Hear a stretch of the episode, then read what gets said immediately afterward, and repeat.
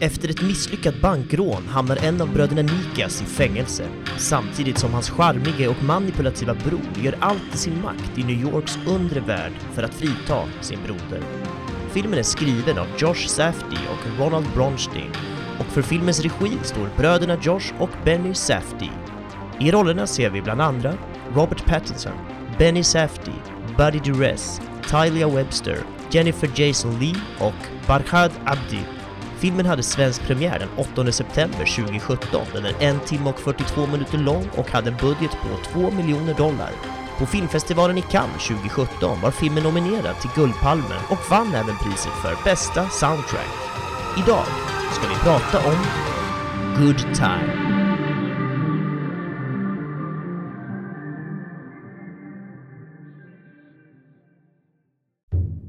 I never waited for anyone who was late more than 10 minutes in my life. I'd say 15. 15's right. No, 10. Someone has to die in order that the rest of us should value life more. You've been putting it up your whole life. You just didn't know it. Now, are you a rusher or are you a dragger or are you going to be on my fucking time? Rancid apple core, two worm eaten banana peels, a moldy rice cake, a dried up pickle, tin of sardine, bones of pile, broken eggshells, an old smushed up cotton gizzard with maggots all over it. Okay, it's worth it. Nobody's civil anymore. Nobody thinks what it's like to be the other guy. Glassen till eller? Har du snott den efter det? God is the Father and God didn't show up. Turn it down. God, Hey, who the fuck are you? he's a squirrel. Take the fucking money. Take the fucking money. Take the fucking money.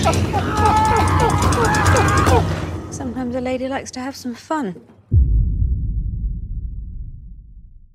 Hallå allihopa och välkomna till ett nytt avsnitt av Spoilervarning med mig och eh, han flyr ju då från vänner, han flyr från authorities, men inte minst så flyr han från sig själv. Han heter.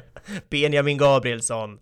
Och idag så är det ju då Good Time från 2017, eller hur? Det stämmer, stämmer bra. Som du valde. Ja, Take it away. Varför blev det den här även? Ja men det blev ju den här för att det är ju, vi poddade ju för, för ett bra tag sedan nu, men så poddade vi om Uncut Gems, eh, Mm. som är då samma regissörer, de är ju två bröder, bröderna Safdie tror jag man Safdie, uttalar det. mm, ja, och eh, ja, så jag kollade in deras IMDB och de har ju inte gjort så mycket, i alla fall inte långfilmsväg, utan Nej. det är ju typ de här två långfilmerna de har gjort. Och Mm. då tänkte jag, men varför inte? Kul att se hur, hur den kan vara. Och det, det roliga tänkte jag också att den kom ju innan Uncut Gems, så den känns ju, Mm. det känns ju liksom som att, ja, vi, vi får se helt enkelt. Jag var lite sugen på, på deras, den här hetsiga stilen. Mm. Så eh, den vägen var det helt enkelt. Ja, alltså de hade ju, man kan ju lugnt säga att Uncut Gems lämnade något sorts eh, intryck på en, avtryck på en nästan.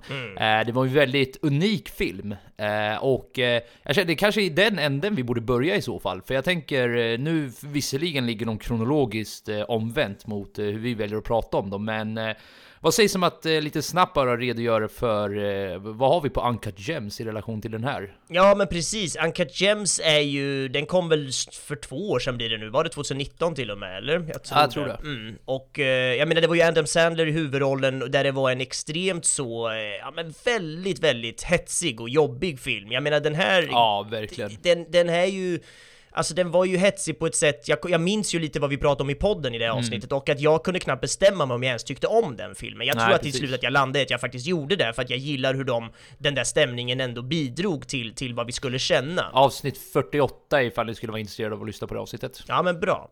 Eh, nej men så att jag, jag, jag, jag kunde ju verkligen känna att den filmen var jobbig, men eh, Ja. och, och jag menar den här är ju också hetsig på många Mm. sätt, men eh, ehm, Ja men så här, jag älskar egentligen den här energiska, det här energiska uttryckssättet och jag Mm. tycker till exempel att Uncut Gems då den är mycket jobbigare. Den, den är ju liksom svårare att omfamna Mm. Ja. kände jag i alla fall. Den, den har ju, och jag tror framförallt att det beror på att Uncut Gems är så dialogdriven eh, med sjukt jobbiga karaktärer som typ skriker hela Mm. Ja. tiden. Medan Good Times å andra sidan, den känns mer händelsedriven än precis. dialogdriven och jag tror att det spelar roll här. Ja, jag håller med dig 100% för det jag minns väldigt mycket från Uncut Gems var ju just det där med att man var så, alltså man var stressad under den här filmen också, men inte på det sättet. Där var det nästan en ångestladdad stress. Stress. Och eh, Ja. jag tänkte flika in lite, nu handlar den här filmen förvisso också om pengar en del, men det var, jag tror att, eh, för jag tänkte faktiskt på det eh, delvis inför uppladdningen inför den här filmen, men också efter vi hade poddat om den filmen, för det var svårt att sätta fingret på varför man fick den känslan man fick lite. Och jag tror jag landade lite att det hade att göra med pengar väldigt mycket. Det var ungefär som att man kände hans ångest inför pengarna, för det, det kan man ju själv känna bara när man leker runt till exempel i aktievärlden. Alltså hur mycket pengar kan påverka ens psykiska hälsa. Så ja, jag ville bara flika in det, att jag tror att det också kan ha varit en lite skiljelinje mellan dem. Ja, ja men verkligen. Och jag menar man skulle kunna sitta och jämföra de här två filmerna väldigt mycket egentligen, men, men det kanske vi inte riktigt gör här och nu, utan vill man veta Nej. mer om den så kan man ju helt enkelt lyssna på det avsnittet. Vad sa du, 48 eller? Ja, precis. Avsnitt 48. Ja, så det kan man ju rekommendera och se filmen framförallt. Den är ju Mm. väldigt eh, omtumlande och intressant på många sätt. Ja det är Ehm, verkligen. Och det känns också som att det är en vattendelare, för Ja. de jag har pratat med har verkligen varit så här äh, hatar eller älskar, och vi ironiskt nog har vi då hamnat lite där i mitten. Mm. Man älskar delar av den, men man är också lite osäker på om man gillar resten typ. Men så är det verkligen. Och jag, jag, det känns ju också spontant av det lilla jag hört från folk jag känner att den här Good Times inte alls är lika vattendelande, utan det är ju fler som, Nej. som tenderar att gilla an, eh, eh, Good Times mer än vad, Ja. vad folk gillade Uncut Gems. Bas, löst baserat på min liksom vänskapskrets, så jag menar det är ingen Mm. empirisk Väldigt undersökning direkt. Nej, precis. Eh, men om vi släpper liksom Uncut Gems eh, jämförelserna för en stund så tycker Mm. jag rent generellt att den här filmens premiss är jävligt stark. Mm. Alltså att, eh, ja men det här, att en smart och manipulativ brorsa, alltså Robert Pattinsons karaktär då, som, som liksom, ja men, men charmar och utnyttjar allt i sin väg, inklusive sin Mm. mentalt handikappade bror. Och ja, Ja. det är fan spännande i sig. Och sen då hur den här filmen Eh, ja men den här övergripande stilen och tonen som jag verkligen älskar, Mm. det, det kan vi ju prata mer om på det tekniska tänker jag, men, ja, men när det kommer till storyn då så gillar jag den här väldigt spännande liksom thriller-tematiken, Mm. där det känns lite som att det är ett steg framåt och två steg bakåt hela tiden. Mm. Alltså att det är liksom, det är ett problem som måste lösas och Ja. i och med varje nytt steg i lösningen så kommer det fram nya problem och bromsklossar Ja, som, som också måste lösas på ett helt annat sätt. Och det blir ju Mm. liksom en, en ond spiral av händelser som, som för varje Mm. steg känns som att det drar Pattinsons karaktär längre ner i skiten och längre från det faktiska målet. Och Ja. vi som publik får ju då hela tiden, väldigt intimt, får vi ju följa med på den här resan, steg för steg. Och ja, jag, jag Mm. Ja. tycker i alla fall att den premissen och även det här berättandet i sig Mm. funkar jävligt bra här.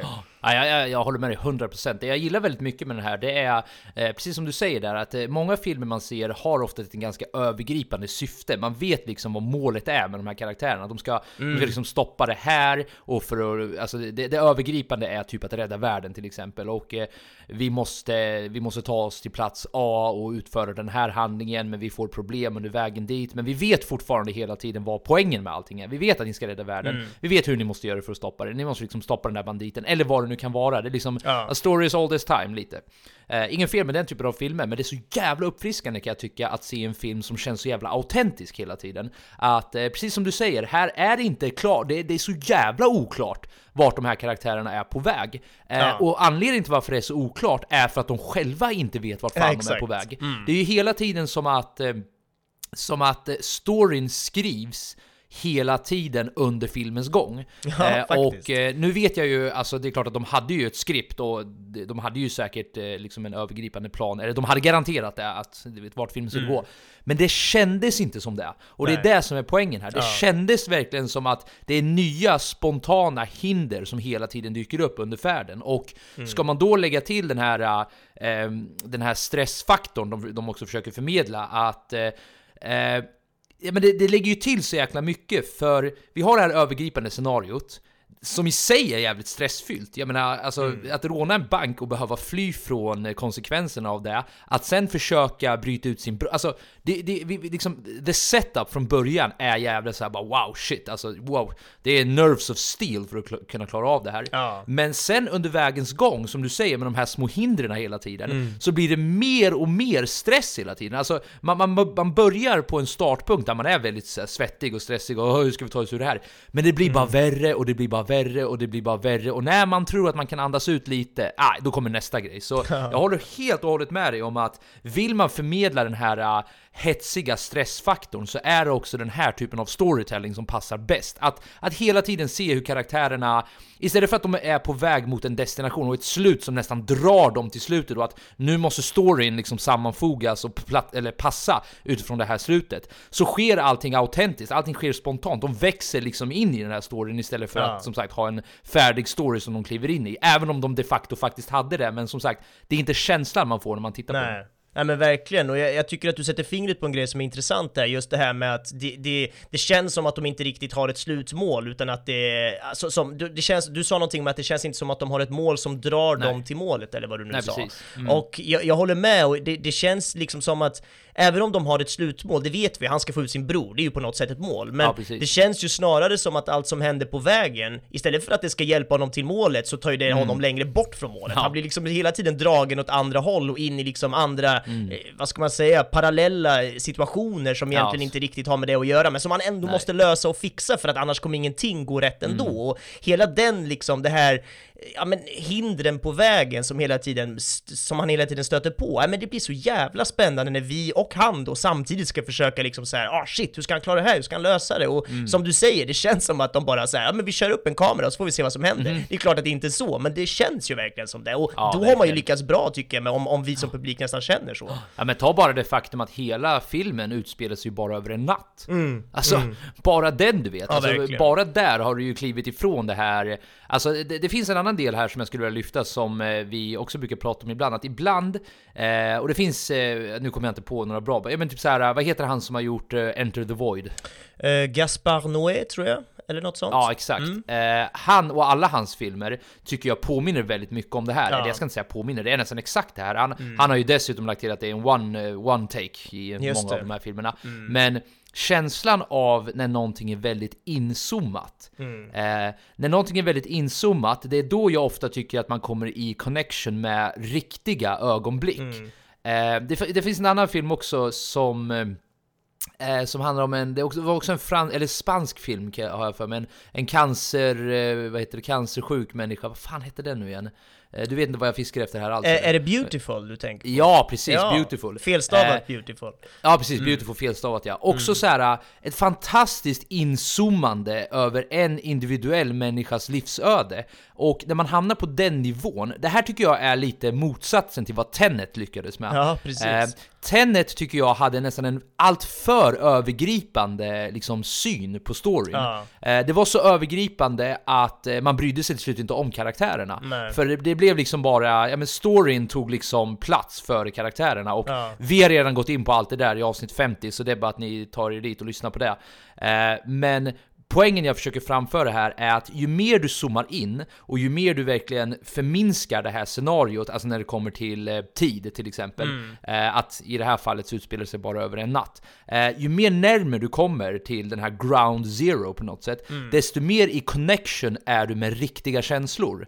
Desto mer i connection är du med riktiga situationer. Ja. Desto mer i connection är du med Ja men med riktiga karaktärer. Det är liksom den känslan jag får när det, när det zoomas in på det här sättet. Så ja, det, det är fantastiskt måste jag säga. Det är så jävla uppfriskande när man har sett så många filmer som inte gör på det här sättet, Ja. att, eh, att bara få ta del av det. Verkligen, jag, jag håller helt med. Och det, vi pratar ju lite nu om alla de här olika liksom, problemen han stöter på på vägen och alla de här hindren alltså, som hela tiden händer och ja, allt oväntat som händer för honom och också för oss. Och en sån här grej som jag tyckte var ja, men jävligt oväntad men ändå sjuk nice så här i retrospektiv är ju det faktum att han tog fel person inne på sjukhuset. Ja. Alltså, det blir någon slags tvärvändning på hela storyn där han istället Ja. för att få ut sin bror, istället får liksom nya problem med den här random snubben som är också kriminell och jobbig. Och samtidigt som han då fortfarande precis. måste försöka lösa pengar och annat för att få ut sin bror, så ja, jag, tyck, jag tyckte den Ja. grejen bara var så jävla nice, för det kom väldigt oväntat från, Ja. för, för mig i alla fall. Ja, verkligen. Och eh, jag är lite så här tvådelad angående det. För å ena sidan tyckte jag det var riktigt jävla nice. Ja. För han la ju till ännu en pusselbit och ännu en sån här, eh, ett element av, eh, ja men nu slänger vi in en joker i det här scenariot och bara ser hur Ja. det Men utspelar någon sig. slags side mission om man skulle varit ett tv-spel. Precis, liksom. precis så. Eh, men jag kan å andra sidan tycka att det var lite synd att han inte fick ut, alltså det så här, jag ska inte säga att han nödvändigtvis inte fick ut brorsan i det scenariot, för Han hade, alltså, det, hade kanske lika gärna kunnat utveckla sig som så att alla tre var ute på det här Ja. äventyret. Eh, det är inte nödvändigtvis eh, den här karaktären eh, Ray som jag har ett Mm. problem med. Jag kommer för övrigt komma in lite på honom strax, men det är snarare att jag, jag, kunde tycka det var lite synd att eh, brorsan, att Nick eh, inte fick mer screen Ja, time mm, för eh, om, om vi bara slänger in det här eh, stresselementet som vi pratade om Mm. tidigare, att det, det scenariot de befinner sig i är helt absurt. Eh, alla små mini-missions han måste på gör det bara ännu mer stressfyllt. Eh, det är liksom riktiga stakes här, om ska säga. Det är liksom det är fängelsetid vi pratar om och så vidare. Ja. Hade det inte varit nice att slänga in en funktionshindrad person mitt i det här? Precis som de gjorde i början på filmen, för Ja. där har du ju en utmaning för våran eh, protagonist, för Ja. Connie. Att inte nog med att han måste liksom, ja, jag, jag förstår vad jag säger nu, för visserligen så skulle hela plotten med filmen undermineras då, eftersom han försöker ju som sagt bryta sig ut sin brorsa. Men Mm. put that aside så länge, och bara reflektera över hur sjukt det hade varit i ett liknande scenario och ha med sig en sån funktionshindrad som sin Mm. brorsa.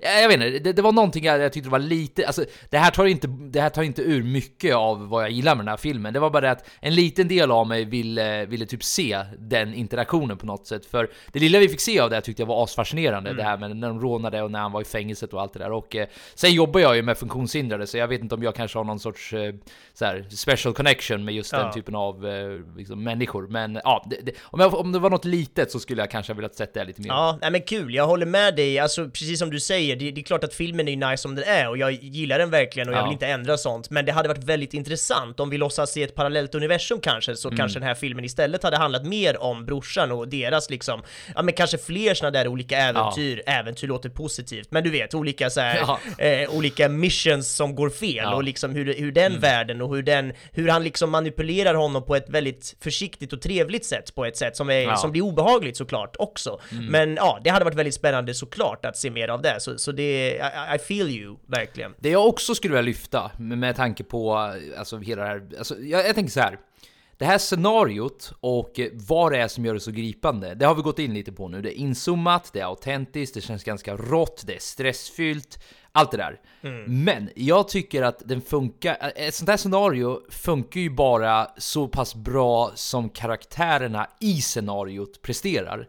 Eh, och eh, då vill jag lyfta fram, alltså my god vilka härliga karaktärer. Alltså, jag, jag säger inte härlig nu som att jag på något sätt moraliskt ger en tumme upp till beteendet. För Nej, det, nej. det är liksom uppenbart att det där är ju fucked up på så jävla många plan. Ja, Men det är ju det som gör det så jävla gripande. Mm. Alltså när man tror att han, han eh, Connie, det vill säga Robert Pattinsons karaktär, har Mm. gått över i princip så många gränser, eller ja, nu ska jag, okej. Han gick ju inte, det finns ju fler gränser att gå över, absolut. Jag, Ja. Han mördar ju till exempel ingen, men alltså du förstår vad jag menar. När, Ja, liksom, han är helt jävla ruthless. Alltså han, Mm. han är villig att utnyttja i princip vem som helst bara han kan nå sitt mål. Exakt. Och det är någonting jävligt gripande med det. Mm.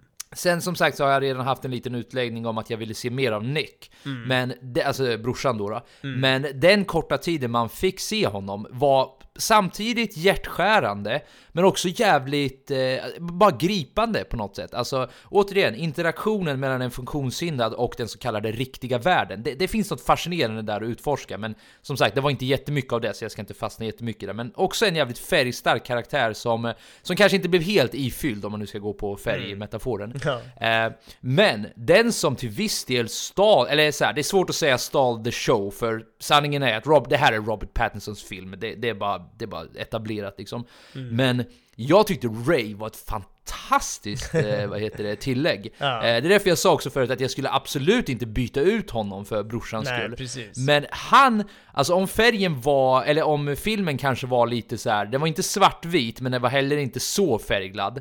Eh, den var lite så här, eh, vad ska man säga, enformig. Och återigen, jag menar inte det på ett dåligt sätt utan, det, det, det- ja. Låt mig säga så här. Ray färglade resten av bilden. Eller, han- behövdes nästan för att ge den här filmen lite färg. Eh, det var ju inte förrän han kom som det faktiskt blev lite komiskt också. Alltså jag höll på, jag jag skrattade så, eller jag ska inte säga att jag skrattade så jag grät, för det gjorde jag inte, men eh, första gången jag skrattade i filmen var ju när han berättade sin jävla acid story. eh, och bara vilken jävla karaktär vet du, han kommer ut från fängelse och bara Men fuck it, jag skulle ju fira, jag är redan fucked up. Och sen medan han har tagit syran så tänker han bara shit, jag kommer ju åka in igen för det här. but fuck it, jag var tvungen att fira, jag mår bra, det är inga konstigheter liksom. Varpå man får följa med i hans lilla mini-äventyr. Ja. Eh, vilket är den enda lilla så här, flashback, eller de gör ju några flashbacks när eh, brorsan också sitter och har eh, så här, eh, vad heter det, typ utvärdering om vad han är för sorts, eh, vad han har för sorts eh, funktionshinder. Mm. Men eh, annars är ju Rays lilla flashback där ett av de få gångerna som vi bryter den här kronologiska storytellingen. Ja. Och eh, samma sak där, det, det, det är som en miniversion av vad vi har upplevt i filmen, att han ha- man vet inte vart fan han ska, eller hur fan han hamnar där, utan han bara befinner sig där, han bara stöter på problem och han är på acid medan allting händer. Vilket också bara är en sån här nice liten flavor som bara gör allting lite mer gripande. eh, och sen slutligen då, då, eller vi har några karaktärer som lite mer, vad heter det, mm, eh, sidokaraktärer som jag väljer att inte lyfta här just nu. Men också, vad heter hon? Jag kommer inte ihåg vad hon heter i filmen, kan hon heta Corey kanske? Eh, alltså, Är det flickvännen du Flickvännen, menar, ja precis, som Ja. eh, ringer hela Nej, jag kommer inte heller ihåg vad hon heter i filmen. Nej, jag- för mig att hon heter något sånt där. Eh, Jennifer Jason Lee heter ju själva Ja, skådisen precis. Exakt. Eh, och eh, hon dyker ju upp lite då och då liksom, men Mm. vad som gör henne så, eller så, som är så nice tillägg i allt det här tycker jag, det är hennes jävla röst. Alltså det är hennes röst i telefonen när, eh, när liksom ska prata. Mm. För det, det, lägger, eh, det, det är liksom ännu ett lager av den här stressen vi har pratat om hela tiden. Att han försöker få tag i henne hela tiden och oh my god, kan du bara dyka upp så vi kan fixa det här? Sen när de väl ringer, då är hon helt hysterisk och superstressad och allting är kaos. Han, han, trots att han är den som är i det stressfyllda scenariot, måste liksom lugna ner henne först innan han kan ta sig vidare. Så det jag vill säga med det här är bara att eh, sjukt fascinerande karaktär. Alltså, enkla karaktärer. Det här är liksom inte karaktärer som är typ såhär, ah, vi har värsta djupa backstoryn och allting, utan det är inte det som gör dem så fantastiska, utan här, här, här lutar jag mig lite mer åt det typ Filip och Fredrik fiskar efter när de är ute och gör sina inspelningar och program. Så här. Det här är väldigt, det här är karaktärer. Det här är liksom färgstarka karaktärer som, eh, som, eh, ja, men som bidrog, eller som e- e- egentligen var hela det här scenariot de befann sig i. Ja. Så ja, jag ville bara lyfta det, för som sagt, inte komplicerade karaktärer, men ändå perfekta utifrån den settingen vi har här. Verkligen, jag håller helt med och jag, jag vill nästan bara betona eller understryka just det där med, med Jennifer Jason Lees karaktär där, alltså flickvännen. Eh, det jag gillar med hennes karaktär är ju alltså att hon är så mycket äldre än Pattinson. Jag menar det skiljer ju typ över 20 år mellan de här två Ja. skådespelarna. Och det tycker jag bidrar så mycket till Pattinsons liksom utnyttjande av andra i, i sin omgivning. Ja, att han är liksom mycket äldre och eller att, att hon är mycket äldre och verkar ha en hel del pengar. Så att, och han liksom, det är klart han, jag ska inte säga att de inte har en kärlek, det är inte det jag menar, men det finns liksom ett lager av att ja, han skulle också kunna vara där bara för Ja. att hon är äldre och har pengar. Så att jag menar, det, det bidrog också till såna här olika subtila Mm. små detaljer som, som, ja, som du säger, färglade och förgyllde Mm. hela upplevelsen på något sätt. Ja, för han gör ju samma sak åt andra hållet. Han hånglar ju upp hon eh, Crystal Ja, exakt. eh, så fort eh, hans ansikte dyker upp på tvn. Och Ja, efter det, alltså sättet han utnyttjar henne, det är typ så här, alltså man, man mår ju till viss del då, man tänker vad är det här för idiot? Men återigen, det är det som gör det så jävla gripande. Ja, verkligen. Ehm, ja, men jag skulle ju också vilja, jag har skrivit i mina anteckningar, finns det någon sensmoral då? Ehm, Men, men eh, ja, jag vet inte riktigt vad, vad jag kommer fram till, men, men jag kan väl ändå ta liksom diskussioner på något sätt så får vi se vart vi landar. Men det finns ju säkert flera stycken om man verkligen tänker efter. Men det mest självklara är väl att det är liksom, det är Ja. dåligt att begå brott för det går sällan omärkt förbi och det löser Ja. oftast inte ens liksom grundliga problem. Men det, det vet vi ju alla som inte sysslar med rån och Nej. liknande eh, såklart. Ja. Ehm, men, eh, men det som kanske är mer intressant är ju det här med, med att manipulera folk i sin omgivning och hur, hur det får väldigt tragiska konsekvenser. Inte Ja. minst då att utnyttja personer som på olika sätt har det svårare än, än vad du själv har. Och jag menar, Robert Pattinson här, alltså hans karaktär, verkar ju ha en fin relation med sin bror. Ja. Men jag tror inte att brorsan självmant hade gått och liksom rånat banker och varit kriminell överhuvudtaget om inte broder Pattinson här hade dragit med honom i allt det här. Så att Nej. det finns ju såklart massa mörker och lärdom här som, som, Mm. som visserligen känns självklar, men, men, men som, som likväl är, är sjukt jävla viktigt på något sätt. Mm. Ja, det är fascinerande det du säger, för eh, jag, heter jag, jag har ärligt talat inte tänkt så jättemycket på just vad är lärdomen här, utan jag var fokuserad på så många andra detaljer. Men det, två tankar dök upp nu medan du sa det där. Nummer ett, det hade varit så jävla... Alltså om vi tänker så här att... Eh, någon sorts grundmoral här är att handlingar får konsekvenser. Eh, Eh, och eh, vore det inte fascinerande då att, eh, låt oss säga att vi har en serie på typ 10 avsnitt. Eh, och så i första avsnittet, då har vi en Robert Pattinson-karaktär som utnyttjar folk, som kör över folk, som skadar folk, som bara är, du vet, han bara beter sig, hans handlingar är liksom brutala mot dem runt omkring honom. Ja. Och sen varje avsnitt efter så har man en av de här karaktärerna och så får man se hur det påverkade dem. Ja. Eh, jag tänker till exempel på den här säkerhetsvakten som de hällde i eh, så här flera deciliter LSD i. Eh, och eh, hur han liksom Ja. flippade ur i, Ja. eh, vad heter det? Man, man, kan, man kan småskatta till "Ö, vilken grej han är Men det där är ju, alltså ha- han lär ju inte ha mått bra efter det Nej, där. Alltså, nej, det där är ju helt sjukt. Ja, det är ju alltså. Sådär mycket. LSD och utan att ens veta om att du får i dig det, ja, men det jag Ja. vill inte veta vad som händer med hjärnan då. Nej exakt, alltså man såg ju på honom, Ja, det ser jag skrattar, jag kan ju inte prata om det utan att skratta Nej, men det man- blir ju så absurt att det blir Ja, roligt också. Precis, ja, men så, så då tänker jag att den här filmen hade ju obviously inte utrymme för det, men det, jag, jag tycker det vore intressant att se, alltså då skulle man verkligen kunna trycka in den lärdomen att eh, Ja. det går inte bara att köra över folk på det här sättet, för kolla vilka konsekvenser det blev, Ja. eller blir. Och jag menar, det är ju någonting som du säger med just att man skulle, som du säger, den här filmen har inte tid att, ut, alltså att utforska Nej, det här, men, men en sån serie hade ju varit hur nice som helst, eller film för den delen, Ja. men just att vi får se eftermälet efter när folk blir, ja när Precis. folk gör sånt här skit, som, som för dem är såhär, men vadå, det var väl bara en liten lögn? Ja, men hur mycket påverkar det den andra personens liv egentligen? Mm. Liksom? Ja. Det andra jag skulle säga också är ju att, eh, för du sa en annan grej också om att eh, Mm. Eh, brott lönar sig inte i någon mening. Mm. Och eh, det här också, det här var en intervju som Jens Lapidus fick angående Ja. hans eh, Snabba Cash-bok. Jobbade med honom igår, by the way. Nej, gjorde du på riktigt? Ja, spelade in Wow. en reklamfilm för Bookbeat, så var han där och skulle promota sin bok och lite Okej. sånt. Fan vad Ja. fascinerande. Eh, Ja. Wow, vad, vad sjukt att jag nämnde honom som exempel också. Ja, det var lite roligt. Men det jag ska verkligen avdramatisera, det är verkligen inte så coolt som det låter. Han var Nej. där, vi spelade in en grej och vi, Ja. vi snackar ju knappt, så att ja, så är det med det. Ja, men lite coolt i alla fall. Eh, ja, i alla fall, eh, hans eh, Jens Lapidus bok eh, Snabba Cash. Mm. Eh, då har ju han fått frågan ganska mycket. Är du inte rädd för att du romantiserar det brottsliga livet Mm. i dina böcker här? För du skriver så mycket om kriminella aktiviteter, du, du skriver om hur mycket pengar de tjänar och allt det där. Och då svarar han någonting i stil med, alltså för det första så, jag porträtterar ju som jag anser att verkligheten ser ut, att det ser verkligen ut så här.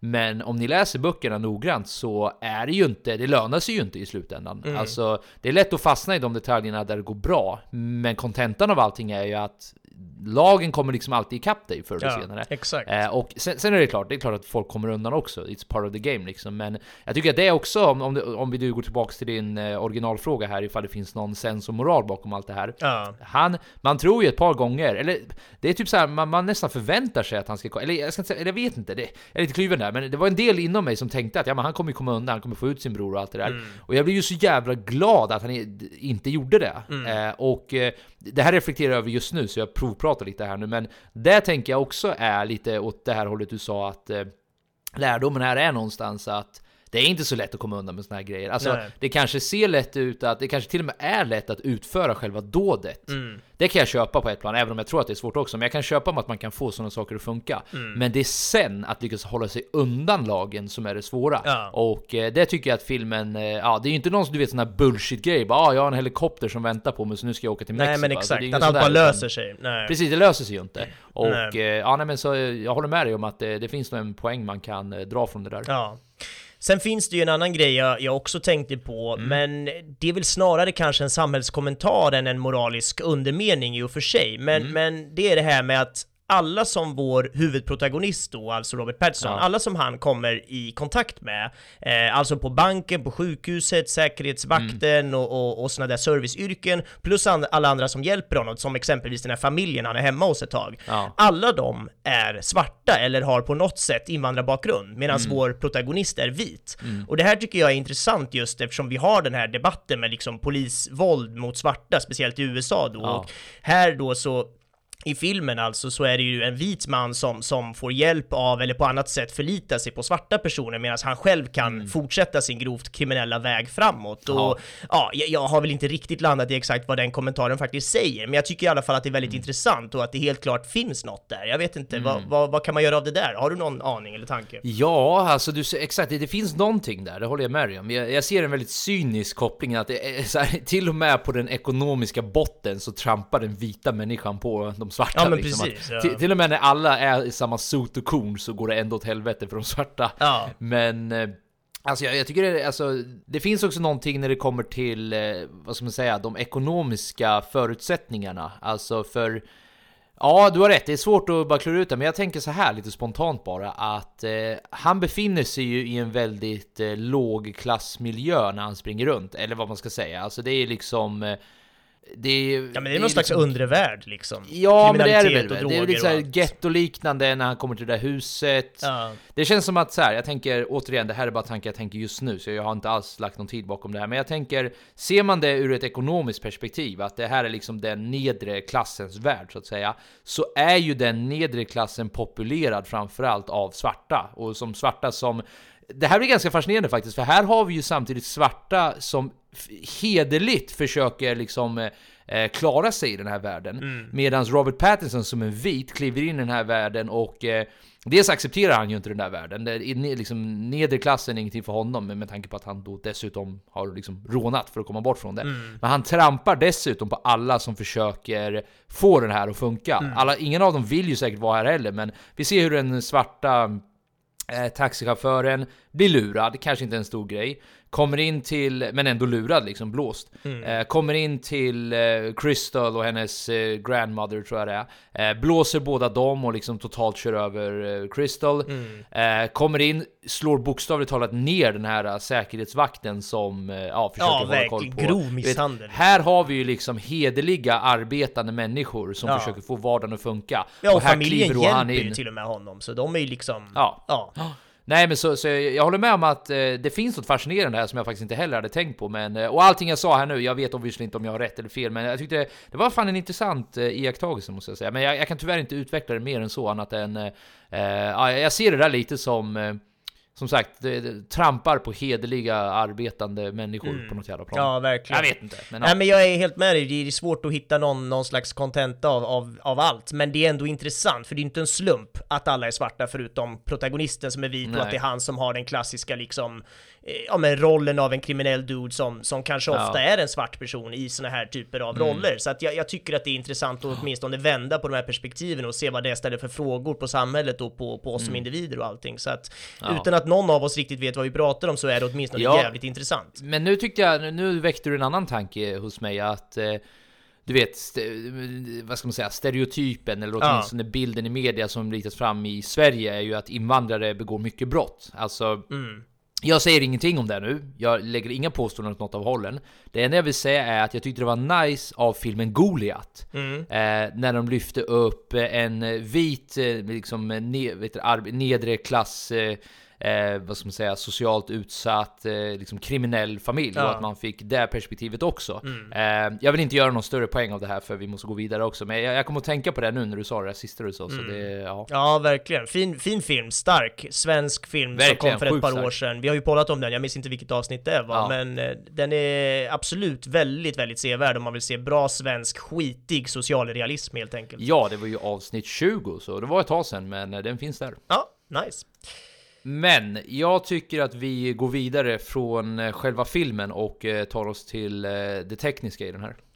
Ja, men eh, den här filmen är filmad analogt med en Aricam LT och det som är intressant här är varför bröderna Safdie tillsammans med fotografen Sean Price Williams valde att filma med eh, film då istället för digitalt. Och här har jag liksom inte hittat några uttalanden från någon av de tre, men jag kan ju tänka mig att det framförallt är de här bröderna Safdie som, som verkligen gillar det här med den analoga stilen. Eh, de känns liksom lite retro och eh, ja, men medvetna om vad sådana val kan tillföra här. Dessutom spelar de in större delen av Anka Gems analogt också faktiskt. Så det är helt klart något de gillar att jobba med. Och vad, vad tillför det då till, till filmen? Jo, det är ju framförallt den här äldre känslan på själva bildkvaliteten som främst präglas av en grynighet och konighet i bilden. Eh, alltså att det alltid finns en, en lite brusig och skitig textur som ligger över hela bilden och som ger en väldigt speciell känsla när man tittar. Sen är det också så att, eh, att en analog kamera tar in ljus på ett helt annat sätt än en digital kamera och i den här filmen är det ju typ natt nästan hela tiden, eller i alla fall väldigt ofta. Det är nästan bara mörka scener där det, där det hela tiden är liksom skuggiga och väldigt uttrycksfulla ljussättningar, vilket då förstärks av den här analoga bilden. Det ger liksom en väldigt dunkel och mystisk stämning som, som verkligen passar bra till just den här storyn. Bildspråket då? Ehm, det är ju väldigt blandat kameraspråk i den här filmen, där det egentligen alltid känns som att det är rörlig kamera, vilket det ofta är, men, men det är inte nödvändigtvis att den är handhållen speciellt ofta, även om det känns så. Men det de har jobbat med konstant är en rörelse på, på ett eller annat sätt, alltså antingen att kameran skakar en aning, eller att den åker, panorerar, zoomar, eller, eller genom klippningen. Ehm, Samtidigt då som det nästan alltid är personer eller saker som rör sig i bild. Så att allt det här tillsammans skapar ju en extrem intensitet. Dessutom, som att det inte vore nog, så jobbar de väldigt ofta med täta närbilder. Alltså att kameran med hjälp av objektivet är extremt nära det som vi ska fokusera på i bild. Så tack vare mycket närbilder, konstant kamerarörelse och en ganska hetsig klippteknik så får vi ett rappt tempo som hela tiden ger oss den här osäkra och hektiska känslan som, ja men vi som tittar känner oss nästan jagade av själva filmen. Det är ju precis vad vi ska känna också. De vill ju få oss i publiken att känna oss, ja men lika jagade som karaktärerna i filmen gör. Um, en ytterligare faktor som, som ger oss den här minst sagt intensiva sinnesstämningen, det är det faktum att det ofta filmas med väldigt långa objektiv, vilket innebär att man kan stå en bit bort från objektet eller personen som, som filmas. Eh, men grejen är att de står sällan speciellt långt bort från, från, de, de, ja, men från där de filmar på, utan de är relativt nära med de här långa objektiven och det gör att det dels blir väldigt täta närbilder som jag nämnde eh, och extremt kort skärpedjup. Men det gör också att det hela tiden känns som att vi står en bit bort och nästan spionerar på det som sker. Även om det som sker är väldigt nära, men vi, vi liksom känner den här känslan av att någon nästan tränger sig på och, och det ökar helt klart den här liksom jagade stämningen och den totala intensiteten ganska rejält. Ja, verkligen. Och så här är det ju eh, nästan hela filmen. Men i den absolut första scenen är det däremot lugnt och stadigt. Du vet när vi är inne på det här kontoret med han gråhåriga gubben som ställer frågor. Ja, exakt. Men så, så fort Robert Pattinsons karaktär kommer in i rummet så börjar kameran röra på sig, det klipps massa och det blir ett helt annat tempo som sen håller i sig mer Ha, eller he mindre. brings the stress. Ja men verkligen. Och det, den här liksom tempot sen håller i sig mer eller mindre hela filmen igenom. Tills den absolut sista scenen. Alltså precis efter att Pattinsons karaktär åker polisbil. Då klipps det från Pattinsons ansikte till brorsans ansikte. Som då är tillbaka på samma ställe som han var på i första scenen. Alltså det där gråhåriga Ja. gubben jobbar och det där. Ja. Eh, Då blir bildspråket betydligt lugnare igen. Det klipps inte lika febrilt och det rör sig inte lika mycket. Så det finns liksom en direkt korrelation mellan Robert Pattinsons kaosartade liv och kameraspråkets påtagliga intensitet. Ja. Och det är jävligt snyggt och framförallt väldigt, väldigt effektfullt. Mhm. Ja, verkligen. Något annat som jag bara älskar i den här filmen är ljussättningen och färgpaletten. Jag nämnde lite kort om ljussättningen när jag pratade om att filmen är filmad analogt, men jag vill verkligen accentuera hur nice den här övergripande visuella tonen är i filmen. Det är som jag nämnde väldigt ofta eh, mörkt i filmen, eh, men det är aldrig liksom tråkigt mörkt, utan det finns alltid häftiga skuggor, färgglada neonrör eller andra liksom utstickande attribut som konstant gör den här filmen väldigt tilltalande. Det är såklart skitsnyggt rent estetiskt och visuellt, men det ger oss också en fantastisk karaktär på filmen. Alltså den här världen som de målar upp. Det galna och kriminella New York, där, där, där de du stöter på antingen ska typ råna dig eller gripa dig. Och, och den här liksom skitiga tonen med mycket neonfärger som ofta är det enda som penetrerar mörkret här på, på, på något Ja. sätt.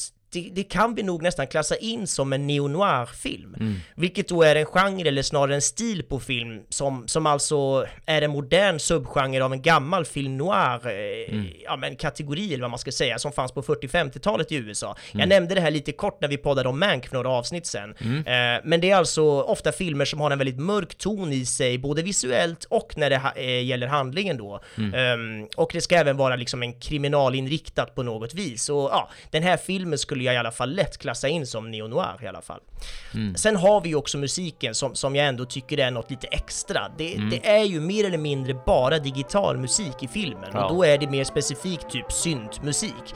Det låter lite som, som från något gammalt tv-spel och, och stundtals från en 80-talsrulle. Mm. Det låter som den eh, synthwave-musik som jag brukar lyssna på när jag Exakt. gamer numera. Ja men verkligen, och det är ju liksom det där lite 80-talsinspirerade liksom viben Ja. och, och ja men det är väldigt härlig feeling på filmen där vi hela tiden nästan brottas med när det här faktiskt utspelar sig. Mm. För ja, de, de har ju smartphones så det är ju såklart inte så länge sedan men den här analoga bilden och den här skitiga stilen tillsammans då med den här liksom 80-tals-viben jag precis nämnde. Ja. Ja, men då, då, alltså musiken då syftar jag på, då, Mm. då, då blir det ju någon slags liksom äldre retrokänsla och sinnesstämning som, som jag verkligen gillade. Mm. Och musiken överlag då så, så, ja, men jag tycker som sagt att den är väldigt spännande. Den är ju extremt äggande och eskalerande Mm. samtidigt som den ibland uppfattas som lite ambient och drömmig. Ja. Och det känns ju hela tiden som att den ska få oss att antingen bryta ihop eller typ hoppa ut genom ett fönster. Jaha. Och det, det, ja, men det är liksom helt jävla sjukt nice här och Mm. eh, ja, men hela den här filmens redan väldigt omtumlande story verkligen Mm. understryks av den här musiken. Så jag tycker de har gjort ett svinbra jobb med det. Ja, verkligen. Det är som jag nämnde lite kort i början förut att eh, både scenariot, karaktärerna, men också kameraarbetet, inzoomningen på deras ansikten Ja. eh, och slutligen musiken. Allt det här sammantaget är ju vad som producerar den här eh, stressfaktorn. Ja men verkligen, och det är precis det som är liksom min lilla sista knorr här. Du sa det egentligen, du tog Mm. orden ur min Ja, mun. okej. Det var helt underbart. Det betyder ju också att mitt budskap har kommit fram, men det Ja, var egentligen det jag försökte säga här, att det vilda kameraspråket i samspel med den fantastiska ljussättningen Mm. som då ackompanjeras av en otroligt slagkraftig musik. Ja, men allt det här tillsammans då, med liksom dessutom ett starkt jävla skådespel, ja då blir det så här jävla uppslukande och helt jävla underbart om du frågar mig. Så ja, eh, fantastiskt. Och apropå skådespelet Joel, vad kände du där? Ska vi utveckla det eller vill du dementera eller vad tänker du? Nej, men det här var ju alltså den typ av skådespel som är riktig skådespel. Alltså, Ja, då menar jag verkligen riktig. För jag kommer komma in lite mer. Ja, jag kommer komma in lite mer i det när vi går igenom trivias, men Okej. eh, jag kan väl eh, hinta om en av grejerna. Alla karaktärer, jag ska bara säga en av dem. Alla karaktärer i den här filmen, förutom bröderna då, då eh, improviserar. Aha, Eh, helt och hållet. wow. Eh, och eh, dessutom så sa Safety-bröderna till Robert Pattinson att eh, nog för att eh, du och jag har, eller Benny och vad heter det, Robert, eh, eller Robin Pattinson hade, vad heter det, ett skript, ett manus. Ja. Men de måste ju fortfarande hela tiden anpassa sig till karaktärerna runt omkring dem som inte har ett manus. Eh, utan vad som hände istället med de karaktärerna var att de fick en en bakgrundsstory på vad det här var för sorts karaktärer och vad de hade för egenskaper, vilket sorts humör de liksom allt det där. Och sen sa vad heter det Safety-bröderna bara att eh, kör på det här och improvisera hur ni skulle ha upplevt den här situationen. Och eh, om du nu har med dig det i bagaget och tänker på filmen, då inser du ju att det är ju fucking briljant Ja. Alltså det är ju den här typen av skådespeleri som är som sagt, den riktiga skådespeleriet. Att när du bara kastas in i en situation och eh, du vet ungefär vad filmen handlar om, du vet vad du är för sorts karaktär, men du har ingenting skrivet åt dig, utan du måste bara agera genuint hur du tror att den här karaktären skulle ha agerat i den här situationen. Så bara där är det ju briljant. Sen in action nu då när man får se det, alltså jag blir ju mer och mer in love med Robert Pattinson Ja. ärligt talat. Ja. Eh, sen jag såg Tenet eh, så fick jag liksom som en ny resurgence Mm. med honom. Jag tycker han är så jävla bra ärligt talat. Han, han, särskilt i den här filmen då också, när han är ju så inzoomad hela tiden. Mm. Och det är också någonting med inzoomade karaktärerna som jag känner att man får... Det, det krävs nästan lite mer av dem då helt plötsligt, för nu, nu ser man verkligen deras ansiktsuttryck. Nu kan man liksom inte gömma sig bakom dialoger längre. Mm. Eh, men det låter kanske tröttsamt att säga så, för vi landar ju ganska ofta i det, men det finns ingen jag kan direkt säga var dålig. Alltså i och med om vi, om vi har den här improvisationspusselbiten som jag pratade om och sen bara tittar på hur det här utspelar Ja. sig. Alltså det är bara bravo, bravo ärligt talat. Ja, nej, otroligt. Jag visste inte alls det här med, med improvisationselementet som du Nej. precis adderade, så att det var ju jävla vad häftigt. Det, det lyfter ju, det eleverar ju Ja. allting till, till en ny nivå. Så visst gör det Ja, verkligen. Jätte, jättehäftigt. Kul eh, kuriosa. Men, eh, ja, men jag tänkte också bara liksom sådär kasta lite eh, superlativ på, på Robert Pattinson. Jag tycker ju han är, ja vad har jag skrivit där? Han är king och jag jag älskar honom mer och mer för varje Ja. gång jag ser honom, så har jag skrivit. Så att jag,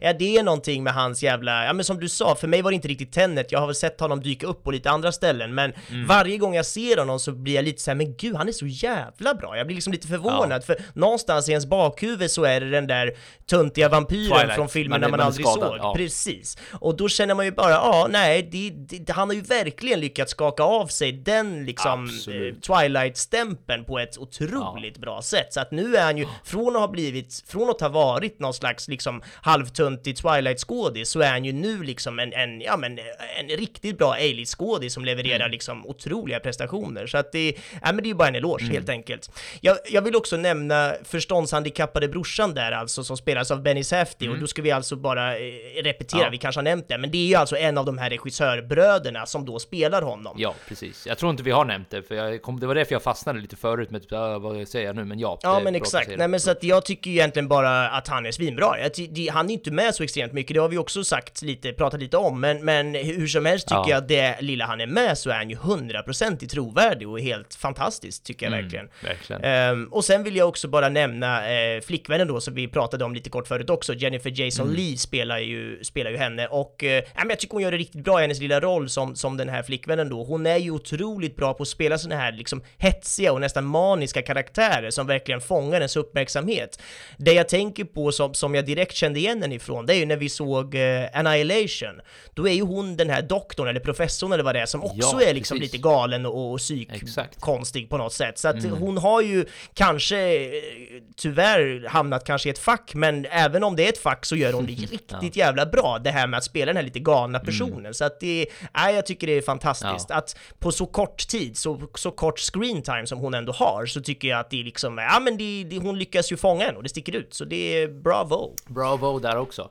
Alright, men eh, låt oss bara summera upp det här innan jag fortsätter utveckla det här med improvisationen i Trivias då. Ja. Så eh, slutord. Eh, jag tycker du får börja den här gången. Ja, vad, vad, vad landar du till slut om den här, i den här filmen? Ja, men jag landar ju någonstans i att jag fucking älskar den, alltså verkligen. Ja. Jag, jag tycker ju att den har så många sådana här spänningselement som, som verkligen fångar mig, som, men som också många andra filmer också kan fånga mig på. Men Mm. det som får den här att sticka ut är ju det här liksom otroligt autentiska och det här liksom nagelbitande på en annan nivå. Det känns som att jag är ju en del av filmen på ett sätt som jag inte Ja, riktigt är van med. Så att det, nej, jag tycker den är helt fantastisk. Och sen det här elementet med liksom funktionshindrade personer och allting. Ja. Det, nej, men det skapar ju ett extra lager, självklart. Så Ja. att väldigt, väldigt, väldigt bra film skulle jag vilja säga. Ja, nej, du, du sa i princip allt jag hade tänkt att säga där. Jag, jag, kunde, jag kunde inte... Vi, vi håller med varandra mycket, men här, här instämmer jag med varenda ord. Det är så jävla härlig film att kolla på. Alltså det, det var... Du, du var ett... Vad, vad brukar man säga? The edge of your seat hela Ja, tiden. exakt. Eh, Det var, det var gripande, det var spännande, det kändes autentiskt.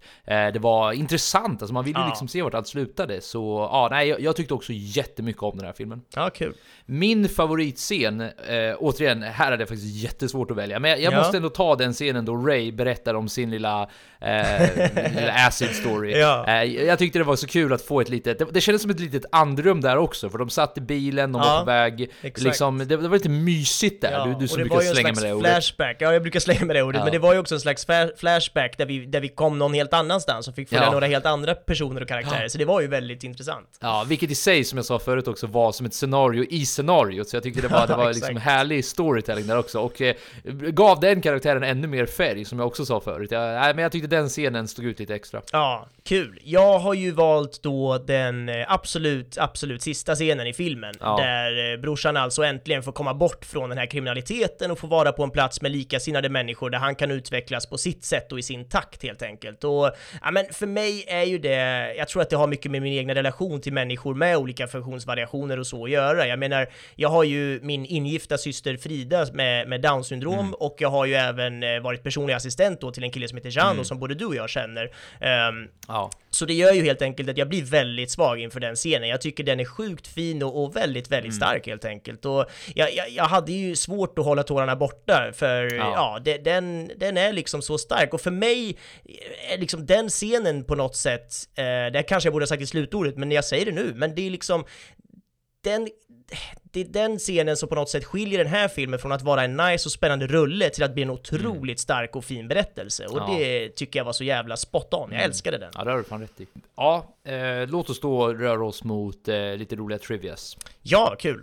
Eh, och eh, många roliga trivias. Av alla filmer vi har poddat om och av alla trivias jag har tittat igenom Mm. så var det här en av de mest gripande här också. Vad roligt. Eh, jag har valt ut några som är ganska intima, men jag, jag rekommenderar verkligen att ni går in på filmens IMDB-sida och eh, läser dem själva, för det fanns några riktigt härliga där. Ja, men vad kul. Vi länkar det i Facebookgruppen också som vanligt, så kolla där Ja, också. precis. Eh, Så i början av filmen när bröderna springer igenom ett köpcentrum från poliserna så var det riktiga poliser de hade anlitat till att Hmm. börja med. Men dessutom så var köpcentrumet öppet som vanligt.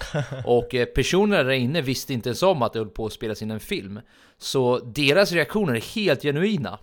Och eh, det var dessutom några som försökte stoppa poliserna Nej, när what? de jagade Robert och Benny.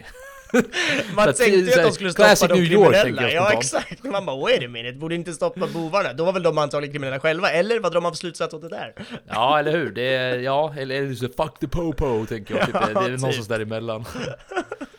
Ja, men då fortsätter vi på det här improvisationsspåret då. Eh, så på samma sätt som med sjukhusscenen så allting är improviserat där också från övriga. Så de, de hade, vad heter det, de i personalen visste inte ens att de skulle filma. Eh, så samma sak på tågscenen.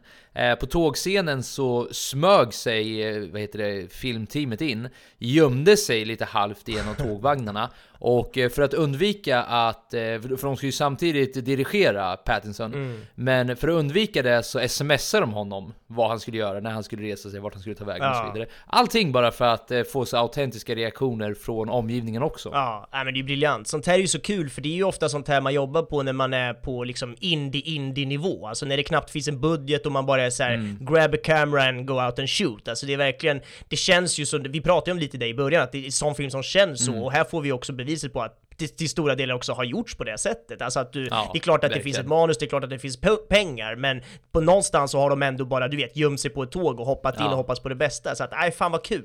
Ja, och det, jag kan säga så här, det är många fler sådana här som jag har valt att inte ta med här nu för jag vill ha lite variation. Men som sagt, in och läs om dem. Ni kommer vara jävligt, ni kommer bli ännu mer imponerade. Gud vad kul! Eh, och eh, Josh Safdie då, då som eh, regisserar den här filmen, han... En av eh, dem, En av dem, ja precis. Eh, han reflekterade om känslan i filmen, och citat då från honom här. Vi ville göra en film som hade en sorts grötig känsla. Filmen utspelar sig under bara en natt. Det är en film som en dröm, som en mardröm nästan. Vi ville tydliggöra vart karaktärerna var hela tiden. Jag är livrädd för tid och att bli påmind om tid. Det är därför jag aldrig har en klocka. Jag gillar att bara blicka framåt och om du rör dig framåt så kan du inte stanna. För när du väl stannar, då blir du deprimerad. Så är det för mig. Slutcitat. Häftigt. Det blir på något sätt, eller ja, vi, vi, vi kan inte gå in, vi, vi släpper det. Vi går bara vidare. Det, det, det, men vi kommer gå för mycket över tiden, men det säger ju någonting om filmen också tycker jag. Ja, verkligen. Eh, Connie Nikes-rollen, alltså då Robert Pattinsons karaktär, den var skriven specifikt till Robert Pattinson. Eh, han hade kontaktat Safdie-bröderna när han hade sett helt randomly en poster på internet av skådespelaren Ariel Holmes där hon var täckt i neonljus från deras tidigare film Heaven Knows What, alltså från Safdie-bröderna då, då, från 2014. Eh, bara av den postern så blev Pattinson så inspirerad av energin av den eh, att han skrev ett mail till bröderna utan att han ens liksom, han kände dem inte ens, hade inte ens träffat dem. Eh, och där skrev han att han var intresserad av att jobba med dem. Och eh, när de sen träffades så blev bröderna i sin tur inspirerade av hans energi. Eh, så efter det mötet så satte sig Josh nästan direkt och började skriva manuset. Fan vad coolt. Eh, och eh, en sista dag. Ett citat till från Josh Safdie väljer jag att lyfta här. Eh, och det här är lite, det är lite sad kan jag tycka. Men eh, apropå det här med att ta sig ur eh, fjättrorna från Twilight. Så det här sa Josh Safdie om Robert Pattinson. Det fanns en del inom Rob som var väldigt eh, exponerande, eh, som jag också ville försöka bringa ut i karaktären. Hans energi, det är nästan som att han är på flykt hela tiden. Eh, han hade någon sorts Vietnamkrigsveteran-aura. Ungefär som att han hade varit med om något väldigt traumatiskt. Han försöker konstant att undvika att bli sedd, vilket, kommer med, vilket såklart kommer med hans nivå av berömmelse. Det var som att han hade PTSD från sitt Twilight-kändisskap. Jag minns tydligt när jag och Rob var ute och skulle hitta bra platser att filma på. Där var vi ute i ingenstans och trots det så var det folk där som började ta bilder på honom. Och jag kunde se hans ansikte då, att han klev in i ett nästan krigsliknande tillstånd. Han tror att alla tittar hela tiden och han har en sorts rymningskänsla över honom. Som någon som gått igenom sitt liv och försökt att inte bli sedd alltid smygande omkring. Wow, vilken jävla beskrivning, vilken, vilken otrolig Ja. inblick i dels, eh, vilken Safety var det? Var det, var det Benny eller? Ja, det var Josh. Det var Josh, ja. Men det var Ja. en inblick i hans liksom tankesätt, men, men också Mm. då vilket, vilket litet porträtt vi fick av Robert Pattinson. Jag älskar det där med att han försöker fly eller rymma och att man då knyter an det till hela den här Twilight-historiken. Ja. Det är otroligt spännande. Jag blir helt rörd när jag läser det där, för Ja. jag typ helt plötsligt ser en människa, alltså du med? Det är, och det tycker jag också synkar så jävla bra med den här filmen också, alltså jag tycker verkligen att de lyckades få fram den här energin. Ja. Alltså om de nu såg att det här fanns inom honom, så är ju det han är i filmen också. Mm. Det är kanske därför han gjorde så bra roll, alltså för att han tänkte att jag, flyr, han kanske inte ens själv kunde sätta ord på det riktigt, men just den här rymningskänslan som Josh beskriver, det var ju det, var ju det han gjorde i filmen också. Ja. Så, nej, jag tyckte det var, det blev lite, jag ska inte säga sentimentala, men lite så här emotionella trivias den här gången, men jag tyckte det var kul att lyfta lite, lite så observationer den här gången. Verkligen. Det är alltid kul med sådana inblickar man inte alltid får eller hittar på andra ställen. Ja. Men med det så hade jag tänkt att ta nästa avsnitts eh, film, är du redo för det? Ja, vad kul! Vad blir det? Ja, men apropå Robert Pattinson då. Nästa avsnitt kommer att handla om The Lighthouse. Ja, okej, du drar den alltså. Det är dags. Bara för att din reaktion har hela tiden varit så jävla udda måste jag säga. Det är ungefär som att du själv inte riktigt, alltså jag måste typ få reda på varför du reagerar som du gör varje gång jag nämner The Lighthouse. Ja du Joel, det, tro mig, det kommer du få veta. Ja, och det kommer ni också få veta. Men The Lighthouse alltså, från, eh, kan det vara 2018? 19 tror jag den är gjord. 19? Ja. Ja. Eh, jävligt pepp för, eh, ja som sagt, eh, din reaktion är udda och jag har sett eh, flera, vad heter det, personers udda reaktioner så eh, det ska Ja. bli spännande. Det är det verkligen. Det är ju en udda film utan att säga för mycket och Ja. eh, ska även också bara nämna att William Dafoe är den andra stora skådespelaren i den här Ja. filmen och de två tillsammans, ja, Ja. riktigt häftig film. Men berätta lite, vad, hur kan folk få tag på oss om de vill det? Ja, men man kan ju lyssna på oss på alla möjliga olika appar där poddar finns som jag brukar säga och det, det har ni ju såklart förstått. Men det viktigaste är ju att följa oss på Facebook där vi lägger upp massa länkar till kommande filmer, vi lägger upp länkar på vart man ser filmerna och eh, såna här extra trivias-länkar och eh, ja men typ intervjuer med olika folk och regissörer och, och eh, fotografer och allt vad det kan vara. Så att eh, det är verkligen kul och smart att följa oss på Facebook. Spoilervarning heter vi där. Yes, och med det så säger vi på återhörande. Ha det gött allihopa! Ha det! Hej då! Hej!